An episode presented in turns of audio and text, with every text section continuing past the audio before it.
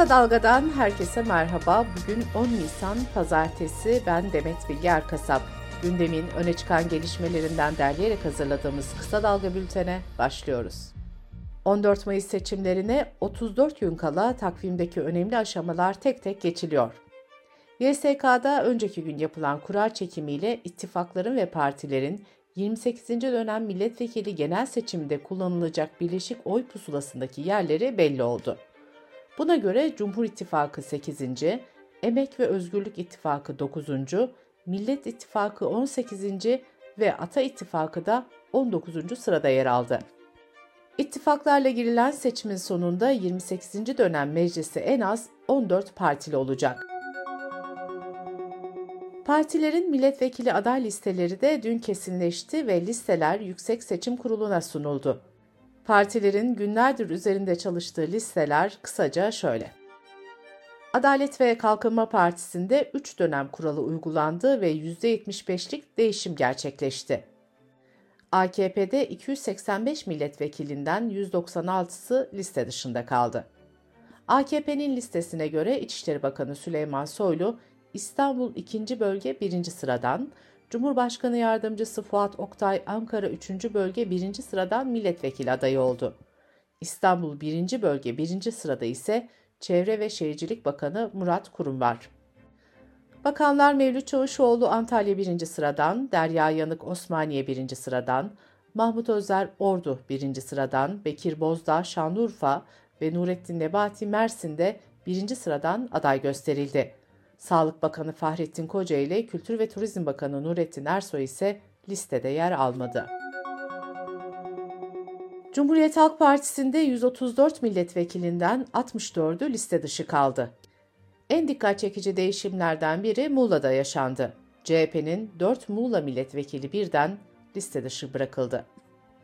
Millet İttifakı'nın aldığı kararla Gelecek, Saadet, Demokrat ve Deva partilerinden isimler de CHP listesinden aday gösterildi. Bu dört partiden 53 kişi CHP listelerine girdi. Eski Adalet Bakanı Sadullah Ergin Ankara CHP listesinde dördüncü sıraya konuldu. Gelecek Partisi İnsan Hakları Başkanı Profesör Doktor Serap Yazıcı CHP'nin Antalya listesinden 6. sırada aday gösterildi. CHP'nin İstanbul Milletvekili aday listelerinde Demokrat Parti'den Cemal Enginyurt, Saadet Partisi'nden Bülent Kaya, Deva Partisi'nden Mustafa Yeneroğlu da yer aldı. CHP'de Onursal Adı Güzel, Gürsel Tekin, İbrahim Kabaoğlu, Aykut Erdoğdu, Levent Gök, Mehmet Bekaroğlu, Akif Hamza Çebi gibi isimler listede yer almadı. CHP Genel Merkezi'nden yapılan açıklamada bu isimlerle ilgili şöyle denildi. Kılıçdaroğlu 13. Cumhurbaşkanı olarak yeni dönemde kendilerinin bilgi ve deneyimlerinden devletin yönetiminin farklı kademelerinde faydalanacaktır. CHP listelerine de kısaca göz atalım. Katledilen Diyarbakır Barosu Başkanı Tahir Elçi'nin hukukçu eşi Türkan Elçi, CHP İstanbul 3. Bölge 3. sıradan milletvekili adayı gösterildi. Gezi eylemleri sırasında camide içki içildi iddiasını yalanlayan eski müezzin Fuat Yıldırım da İstanbul 2. Bölge 10. sıradan milletvekili adayı oldu. Türkiye Değişim Partisi Genel Başkanı Mustafa Sarıgül de Erzincan'da liste başı yapıldı. İyi Parti'de ise geçen dönem milletvekili olan 36 isimden 25'i aday listesinde yer almadı. MHP'nin kurucu genel başkanı Alparslan Türkeş'in kızı Ayyüce Türkeş, İyi Parti'de Adana'da liste başı oldu. Eski İstanbul İl Başkanı Buğra Kavuncu İstanbul 2. Bölge 1. sıradan, AKP'den istifa edip İyi Parti'ye katılan Ahmet Eşref Fakıbaba ise Ankara 1. Bölge 2. sıradan aday gösterildi. Eski futbolcu Gökhan Zan da Hatay'da 2. sıradan aday gösterilen isim oldu. Emek ve Özgürlük İttifakı çatısı altında seçimlere giren Yeşil Sol Parti milletvekili aday listelerinde çok sayıda yeni isim yer aldı. HDP eş genel başkanı Pervin Buldan Van'da liste başından, eş genel başkan Mithat Sancar ise Urfa'dan aday gösterildi. Oyuncu Kerem Fırtına, Profesör Doktor Onur Hamzaoğlu, gazeteciler Hasan Cemal, Cengiz Çandar, Barış Akademisyeni yazar Sevilay Çelenk de Yeşil Sol Parti'den aday gösterilen isimler arasında yer aldı. Türkiye İşçi Partisi Genel Başkanı Erkan Baş da Gezi davası kapsamında cezaevinde olan avukat Can Atalay ve vergi uzmanı Ozan Bingöl'ün milletvekili adayı olduğunu duyurdu. 14 Mayıs'taki Cumhurbaşkanlığı yarışında Millet İttifakı'nın adayı CHP lideri Kemal Kılıçdaroğlu, Cumhur İttifakı'nın adayı AKP Genel Başkanı ve Cumhurbaşkanı Erdoğan, Memleket Partisi'nin adayı Muharrem İnce ve Ata İttifakı adayı Sinan Oğan yarışacak. Metropol Araştırma Şirketi Muharrem İnce'nin adaylıktan çekilmesi durumunda destekçilerinin nasıl davranacağına ilişkin anket sonuçlarını paylaştı. Buna göre Muharrem İnce çekilirse destekçilerinden %23'ü Erdoğan, %30,5'u Kılıçdaroğlu, %24'ü Sinan Oğan diyecek. Protesto oy oranı ise %16 olacak. Türkiye Büyük Millet Meclisi'nde 25 Haziran 2018'de başlayan 27. dönem meclisin geçen hafta tatile girmesiyle de sona ermiş oldu. 2018'de 600 olan vekil sayısı, bakanlık atamaları, belediye başkanlığı tercihleri, ölümler, vekillik düşüşleri ve istifa gibi gerekçelerle dönem sonunda 23 eksilerek 577'ye geriledi. 27. dönemde 14 partiyle en çok siyasi parti temsil edildi. Mecliste bu sürede 10 bin saat çalışma yapıldı, 300 bin sayfadan fazla tutanak tutuldu. 80.268 yazılı soru önergesi, 5326'da kanun teklifi verildi.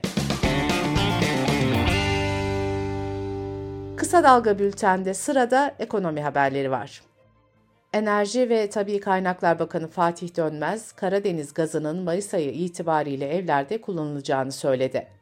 CHP Genel Başkan Yardımcısı Ahmet Akın ise ilk doğal gaz müjdesinin verildiği Ağustos 2020'den bu yana konut tarifesinin 3,5, sanayinin ise 6 kat arttığını belirtti.